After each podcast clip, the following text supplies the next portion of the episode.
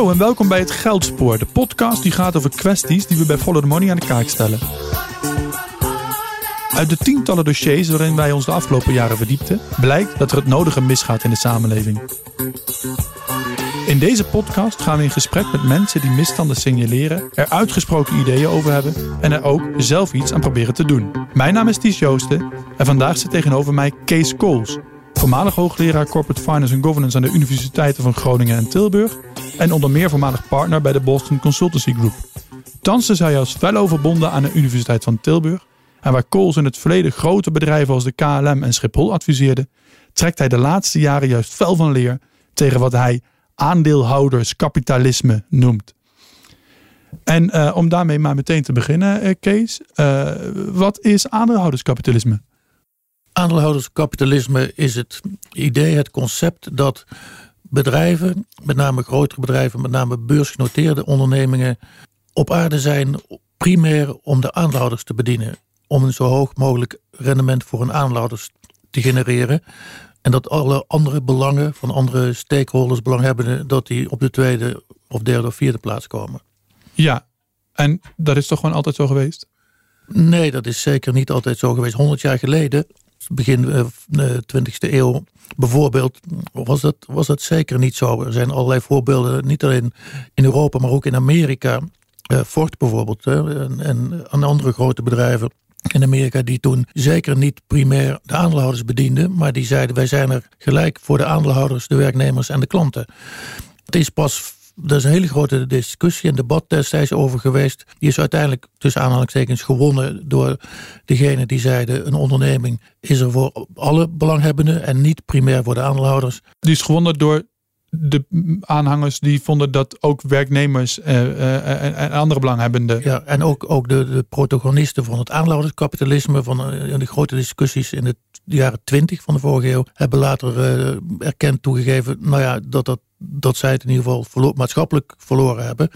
Het, is ook, het staat ook nergens in de wet. Het is dus echt een, een, een debat, een discussie, het is een opvatting dat aandeelhouderswaarde het belangrijkste doel van een onderneming ja, is. Dat aandeelhouders, dat aandeelhouders de belangrijkste belanghebbenden zijn, van, zeker van beursgenoteerde ondernemingen. Ik denk dan meteen aan Friedman.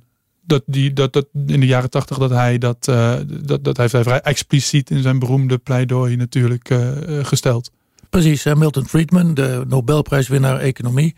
Hij heeft toen in de New York Times, een, dat toen al, maar zit nu nog steeds, een beroemd artikel uh, geschreven. waarin hij zei dat de maatschappelijke verantwoordelijkheid van een onderneming is om de winst te verhogen. Ja. Permanent de winst te verhogen. Dat is de maatschappelijke verantwoordelijkheid. Nou ja, en dat heeft er, dat artikel en zijn, uh, zijn naam en faam.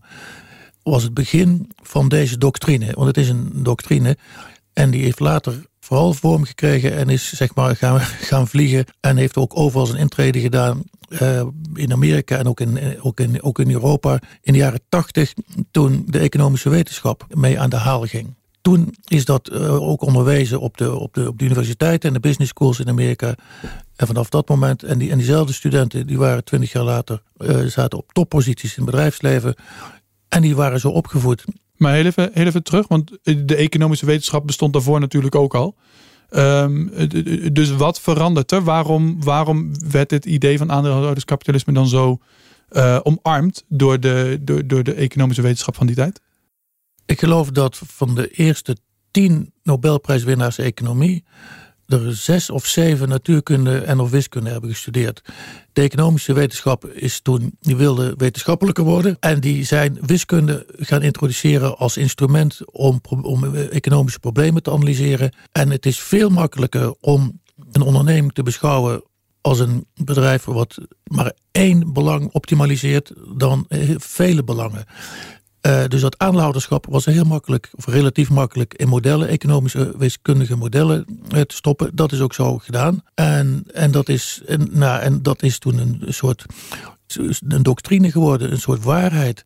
Dus jouw, jouw analyse is, de aantrekkelijkheid van het aandeelhouderskapitalisme is omdat het juist omdat het één doel heeft. Uh, namelijk het creëren van zoveel mogelijk aandeelhouderswaarde. En daar, daarop kun je vrij eenvoudig optimaliseren in modellen. Ja, dat is dan relatief eenvoudig. Als je verschillende belangen moet optimaliseren tegelijkertijd. Een van de meest bekende economen, Michael Jensen van Harvard, die heeft ook wel eens geschreven en gezegd: ja, het is, wat ook zo is, het is onmogelijk. Het is ook gewoon onmogelijk om meerdere belangen tegelijkertijd te optimaliseren. Want als je dat wilt doen, dan moet je dus wel aangeven welke meer of minder belangrijk is. Dus als het maar gewoon één is, en dan kun je vervolgens zeggen dat er allerlei belangentegenstellingen zijn tussen aandeelhouders en management mm enzovoort. Dus dat wordt dan ook gedaan. Maar, uh, maar hier is het nog altijd bij gebleven in Amerika. En diezelfde studenten die zo zijn opgevoed in de business schools in de jaren 80, 90, die werden later, kwamen later een aantal daarvan op hoge posities, CEO's uh, van grote Amerikaanse bedrijven terecht. Ja, en die wisten niet beter dat dit het doel was van, van, uh, van ondernemingen zoveel mogelijk aanhouderswaarde eh, creëren. Ja, dat is ook, het is ook wel, het, is, het ging zelfs zo ver. Nou ja, dat iedereen dat is gaan geloven. En dat op een gegeven moment werd gezegd dat dat, nou ja, dat het eigenlijk wettelijk zou, zou moeten zijn. Wat niet zo is, zelfs in Amerika niet. En in, in Europa uh, al helemaal niet. In essentie, hoe creëer je zoveel mogelijk aandeelhouderswaarde? Nou ja, kijk, er zijn twee. Het aandeelhoudersrendement, het rendement van aandeelhouder bestaat uit twee elementen en het dividend wat jaarlijks wordt uitgekeerd, als het wordt uitgekeerd. En daarna de stijging van de aandelenkoersen. Nou, en hoe zorg je ervoor dat uh, je aandelenrendement zo hard mogelijk omhoog gaat? Er zijn weer twee manieren voor die je al bij tegelijkertijd zou kunnen doen. Eén is om te zorgen dat de rentabiliteit omhoog gaat. Dus dat je per geïnvesteerde euro zoveel mogelijk geld verdient. 10%, 15%, wat dan ook. Maar ja, daar zit natuurlijk een grens aan. Want concurrentie zorgt ervoor dat je niet eindeloos prijzen kunt, kunt, kunt verhogen. Waarom zit daar geen grens aan? Want dan uh, verlies je marktaandeel. En je kunt ook niet eindeloos je kosten verlagen. Dus er zit een, een economische concurrentiegrens aan het ver, verhogen van je rentabiliteit per geïnvesteerde euro, zou ik maar zeggen. Nou ja, en de andere manier is om meer euro's te investeren, dus om te groeien. En als je je rendement niet verder kunt verhogen door concurrentieoverwegingen, ja, dan blijft er nog maar één manier over. Dat is groeien en groeien en groeien en groeien. En daar komt natuurlijk ook een eind aan. Bijvoorbeeld, een mooi voorbeeld, of slecht voorbeeld, is bijvoorbeeld Ahold in Nederland. Uh, die is heel groot geworden, eerst in Nederland, toen in Europa. Is toen naar Amerika gegaan. En op een gegeven moment kun je niet nog verder groeien. Dus die zijn toen ook naar uh, andere sectoren gegaan in, in Amerika. Uh, en zijn toen bij uh, het afleveren van, van maaltijden en dergelijke zijn ze, zijn ze ingestapt. Dus dan, dan kom je op een gegeven moment terecht eerst in andere regio's waar je weinig verstand van hebt met je eigen, met je eigen activiteiten. En vervolgens in andere regio's in andere activiteiten. Nou ja, waar je dus nog minder verstand van hebt. Dus het gaat vroeg of laat gaat dat fout. En dat heb je met Numico, met zoveel bedrijven heb je dat gezien. Er, komt ook, er is ook een economische einde aan, aan groeien. Maar daarmee, daarmee zeg je dat er een economisch einde is, dan zeg je dus eigenlijk, er is, de wal keert op een gegeven moment wel het schip. Ja, omdat op een gegeven moment, of al vrij snel, kun je ook alleen nog maar gaan groeien. Uh, althans met grote stappen. want als je elk jaar, bijvoorbeeld Ahold, die zei... Uh, we willen 10% groeien per jaar. Toen werd Kees van der Hoeven werd de, de, de baas, de CEO. En die zei, ja, die suffe groeitarget van 10%, die ruilen we in voor 15% groei. Maar 15% groei, dat is elk jaar in, in, in absolute bedragen, in miljoenen, in miljarden, wordt dat steeds meer. Dat is in vijf jaar of zes jaar is dat een verdubbeling. Dus het kun je ook niet doen zonder overnames te doen. En 80% gemiddeld genomen, 85% van alle, onder, van alle overnames, uh, zijn waardevernietigend. Leg eens uit. Er zijn wel uh, zoals dat heet, synergieën. Als je een andere onderneming overneemt in, in dezelfde sector. Bijvoorbeeld eh, met name aan de kostenkant. Er wordt ook nog wel gezegd aan de klantenkant kun je ook uh, gezamenlijk klanten, heb je extra klanten erbij. Ja, dan kun je wat kostenbesparingen doorvoeren. Je, je, je hebt in plaats van één, twee koffiejuffrouwen één koffiejuffrouw nodig. Je schakelt tot concurrentie uit, dat helpt vaak ook. Precies, want zoals een mooi, de titel van, van een zeer bekende Chicago-econoom heet, uh, luidt, de grootste concurrent of de grootste boosdoener van het kapitalisme is niet Karl Marx, maar dat zijn de kapitalisten zelf. Want de er is geen andere partij dan de kapitalisten zelf, de ondernemingen zelf, die voortdurend proberen concurrentie uit te schakelen. De essentie van de economie. Dus je zegt dat de essentie, of zij zegt dus eigenlijk, de essentie van het kapitalisme is een, is een, is een vrije markt. Is een, is een concurrerende vrije markt waarin goederen en diensten een optimale prijs eh, bereiken. En uh, juist de kapitalisten zelf, die streven naar zo weinig mogelijk concurrentie, uh, vernietigen daarmee de vrije markt. Ja, nu weet ik weer wat de titel precies is. Saving Capitalism from the Capitalists. Dat, is de, dat is de titel. Dat is wat ondernemingen voortdurend proberen concurrentie uit te schakelen. Want concurrentie zorgt voor lagere marges. Dus juist de, de, de, partijen die altijd voor een vrije markt zijn, dat zijn bij uitstek de partijen die via, eh, via, via afspraken, via monopolieposities proberen die markt uit te schakelen. Nou, uh, en waarom even terug naar die, waarom gaat het fout met die overnames? Er wordt wel waarde gecreëerd, gemiddeld zo'n 15, 20, 25 procent. Maar het gaat allemaal naar de verkoper. Dus die premies die, uh, die worden gerealiseerd, die synergieën, die verdwijnen in de zakken van de, van de, van de verkopende partij. De aandeelhouder van het bedrijf dat verkocht wordt, dat overgenomen wordt, daar, die, die, die krijgt daar een bepaalde premie voor. Die krijgt de waarde plus een bepaalde premie. En die premie, dan zeg je, dat is de waarde van die synergievoordelen.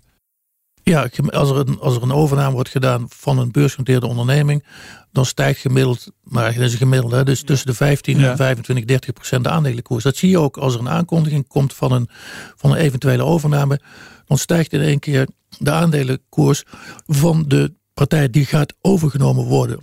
Terwijl je heel vaak ziet dat de, de aandelenkoers van degene die, ga, die gaat overnemen in veel gevallen daalt die meteen bij de aankondiging met een paar procent. Dat is bijna dagelijks zie je dat soort voorbeelden. Dus vandaar dat, de, dat acquisities bijna altijd waardevernietigend zijn voor de overnemer. maar dat is dan ook weer vreemd, want toch is dit kennelijk wel waar de aandeelhouders van de overnemer uh, naar streven. Anders sturen ze het management wel weg. Nou ja, daar streven ze dus niet naar. Want die laten zien via de koers dat, er, dat, dat de meeste of een, aantal, een, een, groot deel de aandelen verkoopt. Want daardoor zakt, die, zakt de aandelenkoers. Maar waarom, waarom wordt dan bij de aandeelhoudersvergadering niet een manager, een topman, een CEO die een, een overname aankondigt, gewoon de laan uitgestuurd? Dat is slecht voor de beurskoers. Omdat het management veel machtiger is dan veel mensen denken. Een CEO wegsturen, dat doe je niet zomaar. Uh, dat, en, en uh, dat gebeurt zelden. Dat gebeurt uh, zelden. En al zeker niet door de aandeelhouders. Dat gebeurt dan nog eerder, eventueel door de Raad van Commissarissen. Maar het streven, dat zijn mooie andere studies. Zelfs ook in, Amerika, mooie Harvard-studie. Het streven, dus diepgaand onderzocht, het streven van de doelstelling, de werkelijke doelstelling, ook van Amerikaanse beursgenoteerde bedrijven, is niet om zoveel mogelijk aandeelhouders te te realiseren, wat ze met de mond beleiden, maar om zo groot en machtig mogelijk te worden. Om gewoon de grootste te worden. En niet alleen om dan een machtspositie te hebben.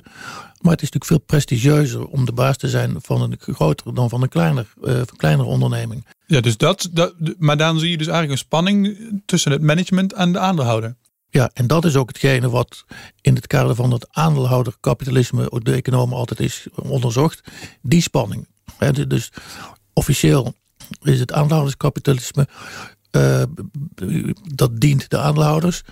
Maar vanaf begin af aan is in die economische literatuur onderzocht dat het management andere belangen heeft zelf, uiteraard. Want ik weet nog wel, les 1 in mijn, uh, uh, mijn economiestudie Propeduizen was dat elk economisch subject maximaliseert zijn eigen nut. En niet van een ander. Dus een directie van een onderneming, ook volgens economische theorie, maximaliseert niet de nut van de. Waarom zou die dat doen? Die wil zijn eigen nut. En zijn eigen nut is de basis van een zo groot mogelijke onderneming met zoveel mogelijk macht enzovoorts. Mag ik je vragen, jij hebt ook, um, uh, zo komen we ook bij elkaar uit natuurlijk. Jij hebt de Schiphol en de KLM geadviseerd in een, in een vorig leven. Um, zie je dit daar ook terug? Dat streven naar, zeg maar, van het management om, om zo groot mogelijk te zijn, omdat dat ja, machtig maakt? Ja, ik denk dat je dat wel bij alle ondernemingen terugziet. En, ze, en ook bij deze ondernemingen, waarbij het dan een bijzonder geval bij Schiphol nog is. Dat Schiphol is geen beursgenoteerde onderneming. Nee, daarom. Prestigieuzer voor de meeste CEO's en, en raad van bestuursleden, directieleden om in de, directie te zitten van een beursgenoteerde onderneming dan van een niet beursgenoteerde onderneming. Waarom is dat eigenlijk? Is dat gewoon stoerder? Een Porsche stoerder, stoerder is dan een Volkswagen? Nou, die zijn veel zichtbaarder. die zijn veel zichtbaarder. Uh, er is natuurlijk... Maar Dick Benschop is niet bepaald onzichtbaar de laatste tijd. De CEO van uh, Schiphol. Nee, maar Schiphol is natuurlijk een hele bijzondere, die is een hele bijzondere onderneming. Omdat die zoveel in de belangstelling staat gezien het, uh, het, grote economisch belang. Maar vooral ook alle problemen die er zijn met duurzaamheid en leefbaarheid permanent al zolang. De afgelopen decennia is dat voortdurend aan de, uh, aan de orde. Uh, en daarom is Schiphol uh, door die combinatie duurzaamheidsproblemen, leefbaarheidsproblemen en economisch belang, de spanning daartussen, daardoor is er, is er daar voortdurend wat aan de hand en moeten er voortdurende keuzes gemaakt worden. Ik ben ook betrokken geweest nog bij de, wanneer was het, twintig jaar geleden, toen had de Kamer, de politiek besloten dat Schiphol geprivatiseerd zou worden, dus ja, verkocht zou worden. Wat uiteindelijk niet is gebeurd, maar waar heel lang over gepraat is al. Ja, en ik was toen door het parlement ingeschakeld om een second opinion daarover uh, uh, te formuleren. Ik heb toen met iedereen gesproken. Dus alle betrokkenen, de, raad, de directie, raad van commissarissen, de minister, staatssecretaris uh, enzovoort, enzovoort. Het was al besloten dat het geprivatiseerd zou worden. En het bijzondere was toen dat bijna iedereen zei, dus al die rechtstreeks betrokkenen die ik net noemde, echt, dat als burger zijn eigenlijk niet voor, geen voorstander waren voor die privatisering. Maar dat dat nou eenmaal besloten was, of door een politieke partij, of door hun voorgangers, of door een een of ander mechanisme.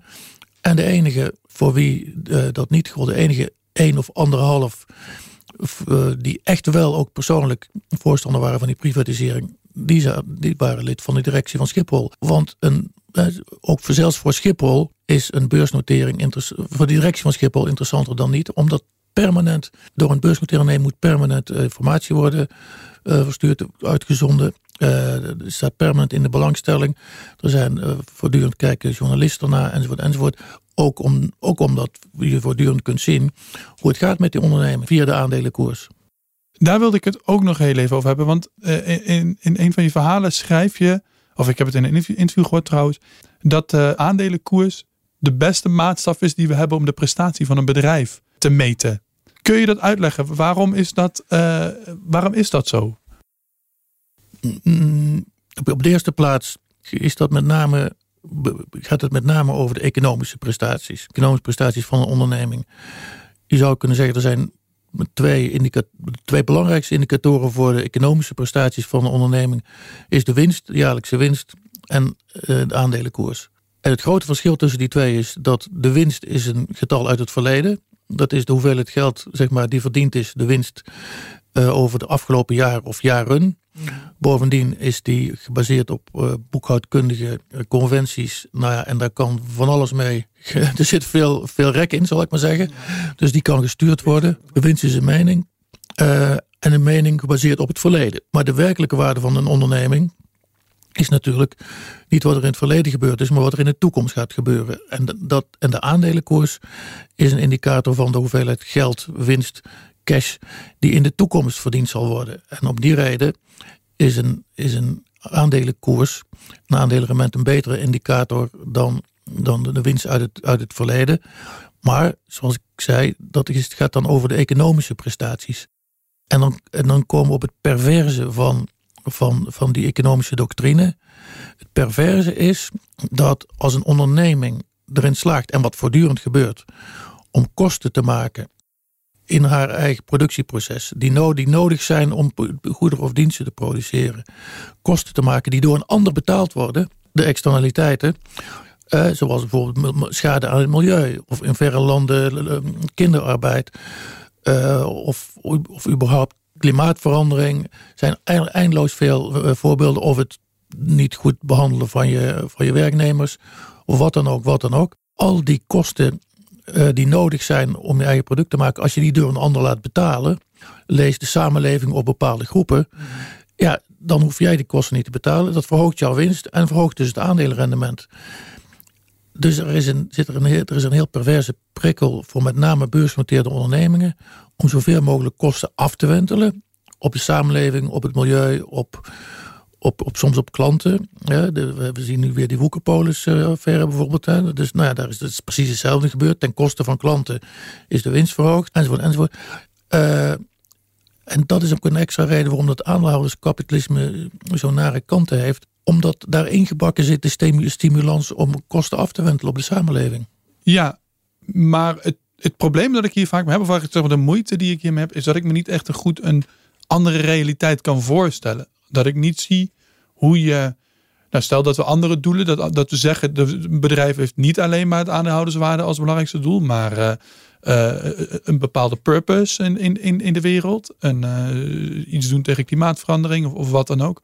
Hoe, hoe maak je dat meetbaar? En hoe zorg je ervoor dat niet alsnog gewoon de aandeelhouderswaarde en de aandelenkoers uh, doorslaggevend is bij de, bij, de, bij de managementbeslissingen en bij de aandeelhoudersvergadering? Maar waarom kun je dat zo moeilijk voorstellen? Waarom kun je niet, kun je niet voorstellen dat, de, dat, dat ondernemingen een purpose hebben en dat ook concreet maken? Nou, niet zozeer als ze dus ook aan, als als ze uh, publieke aandeelhouders hebben, dan, dan, dan, dan, ja, misschien is dat cynisch, dat zou kunnen van mij, maar dat, dat, dat, dan zie ik uh, bijna geen voorbeelden om me heen van bedrijven die daar op een beursgenoteerde bedrijven die op een andere manier met die, dat aandeelhoudersbelang omgaan. Sterker nog, ik zie dan een paar voorbeelden van de bedrijven die het geprobeerd hebben. Onder andere uh, Polman natuurlijk, bij, bij Unilever, een beroemd voorbeeld. Of uh, bij Nestlé, uh, of nee, hoe heet die? Nee, bij um, die, Nestlé. Nou, maakt even niet uit. Toetjesfabrikant. Um, maar daar probeerden ze een andere, daar probeerden ze ook andere waarden te incorporeren. En die zijn juist met na lang soebatten zijn die gewoon met een trap onder de contadeur uitgezet. Een mooi voorbeeld is geen beursgenoteerde ondernemer. Ik heb dadelijk nog een, wel een beursgenoteerd voorbeeld. Is, ik herinner me heel goed, uh, de Rabobank. In de tijd dat Nijpels, of nee, Wijfels. Herman, Wijfels, Herman Wijfels daar de baas was. Die had het heel mooi geformuleerd, vond ik.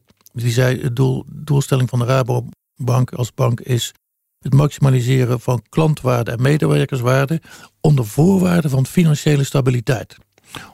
Dus we moeten voldoende winst maken in die tijd om wat te kunnen groeien, om een AAA-rating te behouden enzovoorts. Zolang wij daarvoor genoeg uh, geld verdienen, dat is een voorwaarde, maar die andere twee zijn de doelstelling. Een voorbeeld van een beursgenoteerde onderneming is voor mij Svenska Handelsbank, de oudste beursgenoteerde bank uit Zweden.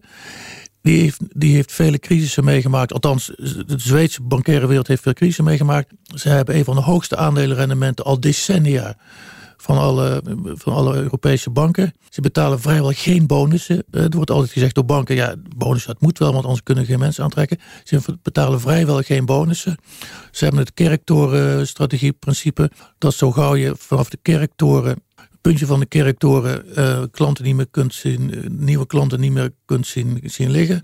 Dan moet je in, dat, in het volgende dorp ook een bank openen. Nou, enzovoort, enzovoort, enzovoort. Die, en die zijn dus die hebben, zijn, hebben nog nooit hoeven aankloppen bij, bij de overheid in, in tijden van crisis. Andere Zweedse en andere banken wel. Hoogste aandelenrendementen, hoogste weet dat, uh, scores voor merk, medewerkerstevredenheid enzovoort. Inmiddels ook in Nederland actief. Dat is een heel goed voorbeeld van, van hoe het Nou, maar waarom ik dat een moeilijk te accepteren voorbeeld vind, is omdat daar het, het toch weer dus niet ten koste lijkt te gaan van aandelenrendement. Want je zegt juist zelf, ze zijn juist heel goed in het creëren van aandelenrendementen met, deze, met het hanteren van deze purpose. Uh, ik doe me namelijk denken aan het uh, stuk van uh, Tarek Fancy. Misschien heb je dat gelezen, die van BlackRock investeerder, voormalige BlackRock investeerder. Die ook schrijft van als purpose of sociale doelstellingen of milieudoelstellingen, als die zouden bijdragen in de winstgevendheid, dan hadden we ze al lang geïncorporeerd bij onze investeringsbeslissingen. Nou, kijk, het is ook maar welke mensen je aantrekt. Hè? De overheid, de Nederlandse of andere overheid, in ieder geval de Nederlandse onderoverheid, betaalt, betaalt geen bonussen. Er werken toch uitstekende mensen, ook hele intelligente, ervaren mensen in de top van de ministeries, van de ambtenarij. Uh, en die krijgen geen bonus. Dat is in het bedrijfsleven ondenkbaar. Zo'n zo bedrijf als die Svenska Handelsbank trekt ook een bepaald soort mensen aan die anders waarschijnlijk niet in de financiële wereld zouden hebben gewerkt, die andere motieven hebben. Uh, dus dat is één manier.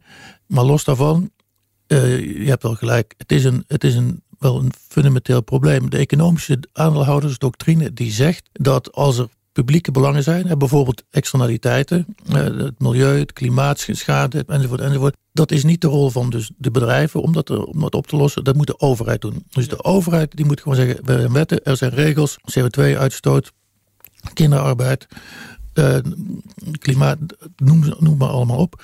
En zolang een onderneming binnen, binnen, de, binnen de wet opereert, nou ja, dan doen ze hun maatschappelijke plicht. Nou, de beweging die, die, nu, aan, die nu al een tijdje bezig is, uh, ook, die je ook heel duidelijk terug hebt gezien in de partijprogramma's bij de verkiezingen vorig jaar van de Tweede Kamer, tot en met de VVD. Waarbij alle partijen, ook de VVD, nu kritische kanttekeningen zet bij de scherpe randen of de minder scherpe randen van het, van het kapitalisme, is om bedrijven zelf ook verantwoordelijk te maken. en zodat de bedrijven zelf, net zoals iedere burger, ook een maatschappelijke verantwoordelijkheid heeft. Maar is dat niet onvoorstelbaar naïef? Sorry dat ik dat zo zeg, maar, maar, maar als je dan zegt, want ik, ik weet het, bijvoorbeeld eh, Friedman zelf heeft eh, bepleitte ook een sterke rol van de overheid. Ja, ja, ja, ja, ja. ja. Jij het enige doel van de, van de bedrijf is om winst te creëren. Maar daarnaast zag hij ook een grote overheid om de regels van de markt als marktmeester uh, op te treden. Alleen als ik dan kijk, nou ja, ik heb dus zelf een boek geschreven over de KLM. Als je ziet bijvoorbeeld de lobby van Air France KLM tegen bijvoorbeeld deelname aan ETS, de Europese CO2-emissiehandelssysteem. Um, en sowieso zeg maar, de activiteiten van grote corporates om zeg maar, die rol van de, van de overheid als marktmeester in te perken of te beïnvloeden, dan, dan geloof ik bijna niet dat ze dan ineens zelf de moraliteit zullen opbrengen om andere doelen dan winstmaximalisatie na te streven. Ja, nee, dus het is, het is ook zeker een, een, een probleem. Het is ook zeker een dilemma. En de overheid blijft op allerlei punten noodzakelijk. Maar je ziet, het is ook de maatschappij zelf die daar een hele belangrijke rol speelt en een verantwoordelijkheid heeft. je ziet dus nu dat alle, alle grote politieke partijen aan het, aan het opschuiven zijn. Dat is één. En je ziet ook enorm een maatschappelijke beweging op allerlei terreinen. Waarbij ondernemingen worden aangesproken, ook door, ook door beleggers, ook door soms grote aandeelhouders. Om, uh, nou ja, om zomaar zeggen, zich fatsoenlijk uh, te gedragen. Um, er zijn ook, het gaat tegenwoordig niet alleen maar om economische waarden als belangrijkste maatschappelijke doelstellingen, maar ook over, uh, over welvaart in brede zin, het brede welvaartsbegrip. En er komen nu steeds meer, want dat is een ander probleem wat je natuurlijk noemde, de meetbaarheid. Al die andere elementen over milieu, over werknemers, uh, sociale aspecten enzovoort, worden nu steeds mhm. meetbaarder gemaakt. En institutionele beleggers, bijvoorbeeld de Medion, dat zijn de, dus de vereniging voor de 50 grootste institutionele beleggers in Nederland, die, die namens uh, namens die 50 grootste beleggers spreken regelmatig bedrijven aan op dit soort aspecten. Ook over de belonings, uh, beloningsparagraaf enzovoort. Dus er is een beweging op gang. En dus anders kan het natuurlijk ook niet. De maatschappij moet zich wel roeren. En tot en met nou ja, de bekende uitspraak over Shell. Dus dat, dus dat ook nog wel, dat, dat, dat rechters dan, als de overheid niet duidelijk is, rechters proberen een bepaalde duidelijkheid te creëren. Ja, maar het is dus wel, je moet allemaal actoren om die bedrijven heen. Dus je, hebt de, de, de belegger, de, de, ja, de institutionele beleggers, de pensioenfondsen van deze wereld. Uh, en je hebt de rechter die Shell in een andere richting dwingt. Maar, maar je plaatst daarmee nog steeds geen moraliteit binnen Shell zelf. Die dan zelf die keuzes gaat maken voor een... Uh... Nee, het is, het is zeg maar over het algemeen gesproken zie je wel dat de bedrijven daartoe moeten worden gedwongen of daartoe moeten worden aangespoord. En er zijn altijd een paar voorlopers natuurlijk. Hè, dus mm, tot op zekere hoogte destijds Unilever of DSM uh, was ook wel een voorbeeld in die richting. Um, ja, zeker. Maar het hoeft dus niet, dat was even het punt, het hoeft dus niet per se alleen maar de overheid te zijn. Nee, je uh, dus, dus ook klanten natuurlijk, uh, werknemers. Ja, kijk, en als het gaat over aandeelhouderskapitalisme, op het moment dat aandeelhouders zich roeren, nou ja, kijk, dan, dan wordt het al extra interessant. Maar het blijft, het blijft, het blijft natuurlijk een, dus een probleem en het gaat absoluut niet vanzelf. Ik ben nu zelf betrokken bij een initiatief met twee anderen. Zijn we, hebben het idee opgepakt om een vereniging te gaan oprichten met tienduizenden, hopelijk honderdduizenden, tien, tientjes leden. Waarbij wij dan namens, dat is een groot woord, maar dan moet we gaan we concreet maken, namens de samenleving uh, bij aanloudersvergaderingen en met directies van raden van bestuur in gesprek gaan. Zij hebben ook wel het probleem dat, ja, naar wie moeten ze zich richten als het over de samenleving gaat? Er zijn al, bijna alleen maar, zeg maar, één, één item organisaties of Greenpeace of, of, of, of, wie dan ook, over, die gaan over één onderwerp. En waar heeft het verschil? Ken je het initiatief Follow This? Ja, ja, ja. ja. Van Mark van Baal? Die eh, bij Shell en nu bij alle grote oliebedrijven eigenlijk via de aandeelhoudersvergadering uh, ja, strengere klimaatambities probeert af te dwingen. Waarin verschilt dit? Nou, kijk, dat gaat alleen over het, met name over het klimaat. Uh, dit, dit, dit, is veel breder bedoeld. Mm -hmm. en we willen het ook gewoon bij, bij alle ondernemingen gaan doen, alle beursgenoteerde ondernemingen. En niet alleen de ondernemingen die waar problemen zijn op dat punt, zal ik maar zeggen, of die eh, in, in de schijnwerper staan. Maar bij alle ondernemingen, uh, daar op aanladersvergaderingen en in de discussies met de, met, de raad van, met de raad van bestuur, nou ja, kritisch kijken naar wat ze doen. Kunnen de mensen zich al ergens aanmelden? Nou, we zijn nu bezig om de, met een soort uh, openingsstatement. Uh, en ook even nadenken over de structuur. Hoe de structuur precies elkaar moet gaan zitten. En hoe we dat verder willen aanpakken. Maar ja, binnen nu en paar maanden uiterlijk. Dan gaan we wel naar buiten komen. En dan, uh, nou ja, dan hopen, net zoals vroeger de VPRO, op, met tientjes, tientjes leden. Om zoveel mogelijk participanten van naarmate En naarmate we meer leden hebben, is ook onze, is ook onze legitimiteit uh, groter. En een partij bijvoorbeeld die heel, zich heel vaak hoort namens aandeelhouders, de VEB. Ja. Ik geloof dat hij maar 30.000 of zo leden heeft, of maar. Uh, dus nou ja, op het moment dat je tienduizenden leden, of misschien nog meer hebt, nou ja, dan heb je zeg maar enig recht van, van spreken. Dan heb je ook een achterban. nou goed, dat is, dat is in ieder geval het plan. Je zult nog van ons horen. Dit klinkt bijna als een afsluiting, maar ik wilde toch nog. dat is het toch nog niet helemaal. Ik wilde graag nog heel even namelijk uh, een paar van, van, van je meer politieke voorstellen. of je fiscale voorstellen. Oh ja, economische voorstellen doorlopen. En ook heel eventjes ja, de haalbaarheid daarvan uh, bekijken.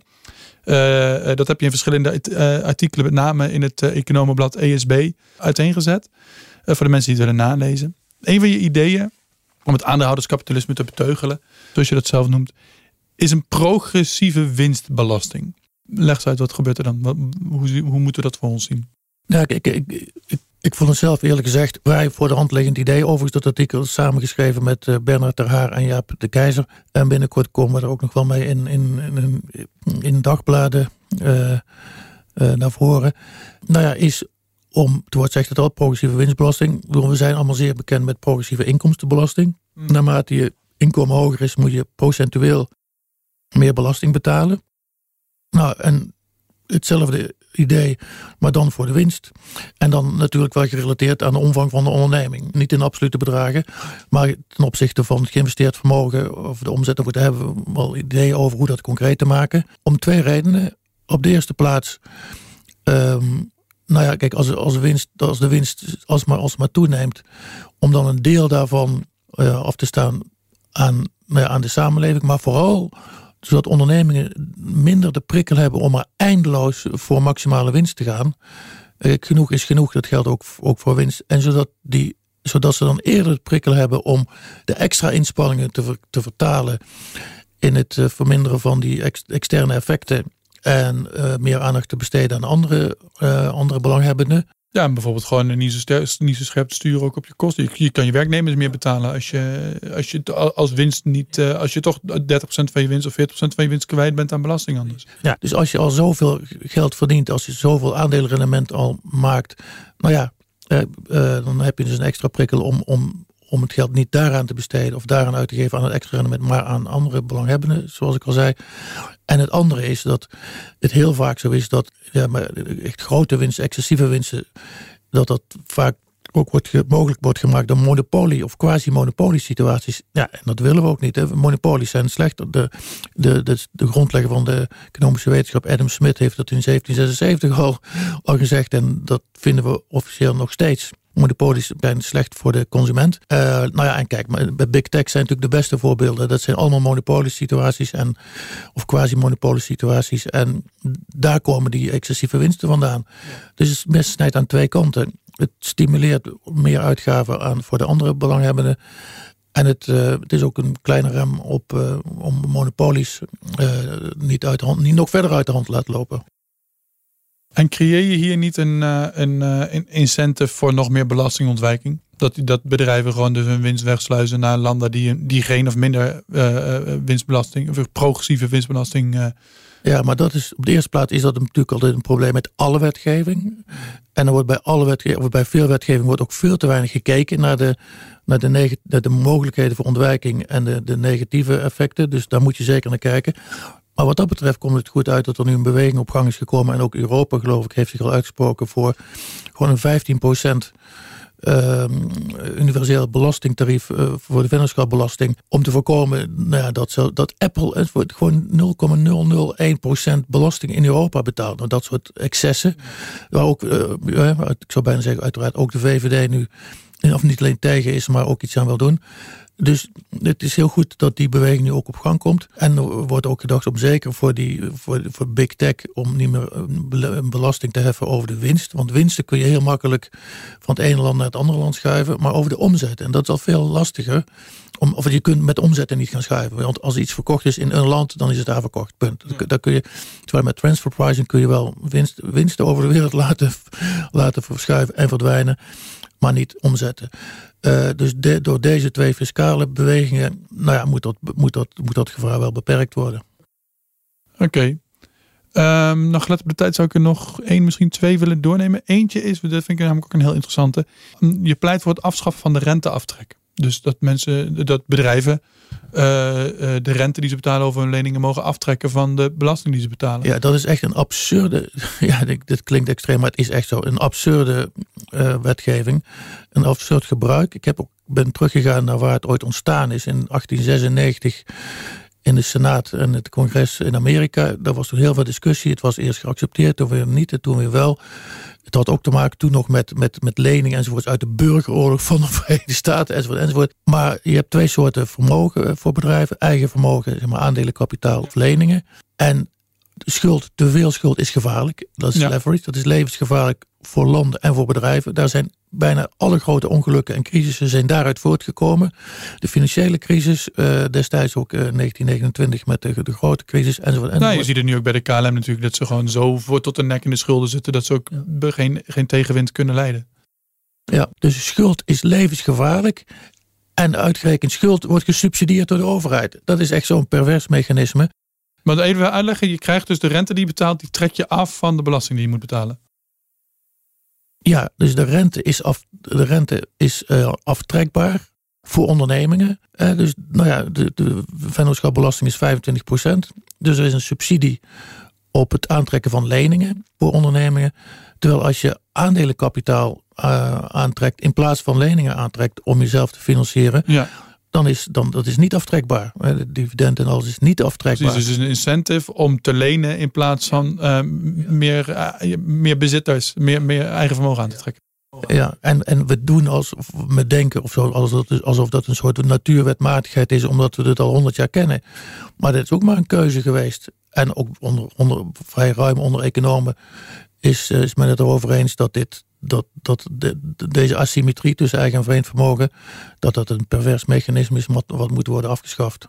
Ja, want je zou zeg maar zelfs zonder al te veel economische stand, dan klinkt het dan niet handig om een incentive te hebben om zoveel mogelijk schuld te maken ja, ten opzichte van eigen vermogen. Ja, en, ook voor private equity, hè, die, die, die maakt de, businessmodel voor private equity is voor een belangrijk deel gebaseerd op zoveel mogelijk schulden creëren. Nou ja, en dan komt de een naar het andere bedrijf komt dan in de problemen. Ja, ja, ja. ja uitstekend boek over geschreven door Stefan van Meulen over de HEMA. Daarover. Um, maar dat terzijde. Maar dat terzijde. Laatste die ik nog even wil uh, aanstippen is je wil het verschil tussen de commerciële en de fiscale jaarrekening afschaffen. Je wil eigenlijk de fiscale jaarrekening opheffen. Toch? Ja, ja, dat is ook een heel merkwaardig iets. Kijk, de meeste mensen zullen misschien zich niet eens realiseren dat die twee er zijn. Want voor kleine ondernemingen is dat gewoon hetzelfde. Precies. Uh, want het heeft pas, uh, maar er is uh, voor al diegenen die dat uiteraard ook niet weten of niet kunnen weten. Uh, ondernemingen moeten een fiscale jaarrekening inleveren bij de fiscus. Het mhm. woord zegt het al. Mhm. Maar ze publiceren ook een, een, een, jaarrekening, een commerciële jaarrekening, die naar de beleggers gaat enzovoorts. En die fiscale jaarrekening, die wordt niet gepubliceerd. Die weet, kent verder niemand. Die gaat alleen maar naar de fiscus. En die zijn op verschillende grondslagen gebaseerd. En het is gemiddeld zo dat de fiscale winst komt beduidend lager uit dan de commerciële winst. Dus hoeft er ook minder belasting te worden betaald. Of wordt die hoeft de belasting pas in de toekomst te worden betaald. En dat heeft te met name te maken met het kunnen uh, verschuiven uh, van, van winst over verschillende landen en over, over periodes. Ja. Nou ja, dus dat is, heel, dat is ook vrij, een beetje schizofreen. Dus naar, naar, naar buiten toe zegt de onderneming richting de aandeelhouders en richting de hele maatschappij: dit is onze winst. En vervolgens draaien ze zich om en le leveren ze de fiscale jaarrekening in bij de fiscus en zeggen: nee, dat is de winst en die is een stuk lager. dus naar beleggers proberen ze een zo hoog mogelijke winst te presenteren. Ja. Richting de fiscus een zo laag mogelijke winst om de belastingdruk te verlagen. Nou ja, daar moeten we gewoon vanaf. Klinkt ook vrij, vrij voor de hand liggend, toch? Ja, dat, ja dat klinkt inderdaad als een schizofrene werkelijkheid. nou, allerlaatste vraag dan en dan, uh, dan ronden we af. Hoe haalbaar zijn dit soort voorstellen nou? Kan, kan de Nederlandse politiek, de ambtenarij, de Belastingdienst... Zo, ik heb het idee als ik naar de Belastingdienst kijk, die ligt zo ongeveer op zijn gat. De ambtenarij is doodvermoeid. Uh, de politiek is totaal versplinterd. Kunnen we dit wel aan, dit soort veranderingen?